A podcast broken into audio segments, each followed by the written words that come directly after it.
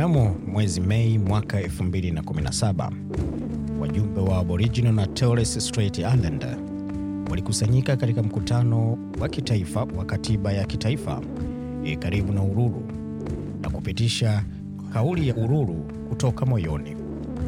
Tamko hilo linapendekeza mabadiliko kwa katiba ya Australia, ikitambua mataifa ya kwanza ya Australia katika katiba na jinsi ya kuendelea mbele kulingana na ukweli, haki na kujitawala.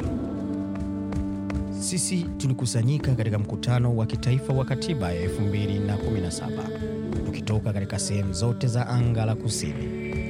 Tunatoa taarifa hii kutoka moyoni. Makabila yetu ya Aboriginal na Torres Strait Islander yalikuwa mataifa huru ya kwanza ya bara la Australia na visiwa vyake vya karibu, na tulimiliki chini ya sheria zetu na mira. Hii wazee wetu walifanya kulingana na hesabu ya utamaduni wetu kutoka kwa uumbaji, kulingana na sheria ya kawaida tangu zamani za kale, na kulingana na sayansi ya zaidi ya miaka elfu sitini iliyopita. Uhuru huu ni wazo la kiroho, uhusiano wa mababu kati ya kiunga hiki na msingi wa umiliki wa udongo au bora ya enzi kuu. Haijawahi kuachwa au kuzimwa na inashirikiana na enzi kuu ya kifalme. Je, inawezaje kuwa vinginevyo? Kwamba watu walimiliki ardhi kwa milenia 60 na kiunga hiki kitakatifu kinatoweka kutoka kwa historia ya ulimwengu katika miaka mia mbili tu iliyopita. Mabadiliko ya katiba na mageuzi ya kimuundo, tunaamini enzi hii ya zamani inaweza kung'aa kupitia kama onyesho kamili la utaifa wa Australia. Vivyo hivyo, sisi ndio watu waliofungwa zaidi katika sayari hii. Sisi sio watu wahalifu wa asili. Watoto wetu wametengwa na familia zao kwa viwango ambavyo havijawahi kutokea. Hii haiwezi kuwa kwa sababu hatuna upendo kwao. Hizi zinapaswa kuwa tumaini letu kwa siku zijazo.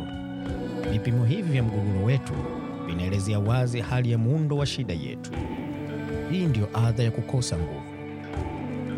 Tunatafuta mageuzi ya kikatiba ili kuwapa watu wetu na kuchukua nafasi stahiki katika nchi yetu. Tunapokuwa na nguvu juu ya hatima yetu, watoto wetu watafanikiwa.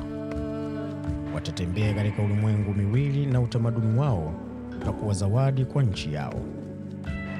Tunatoa wito kwa kuanzishwa kwa sauti ya kwanza ya mataifa iliyowekwa katika katiba. Makarata ni kilele cha ajenda yetu, kuja pamoja baada ya mapambano.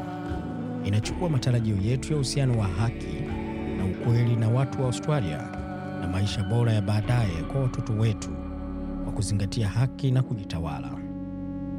Tunahitaji tume ya makarata kusimamia mchakato wa kufanya makubaliano kati ya serikali na mataifa ya kwanza na ukweli kuelezea juu ya historia yetu.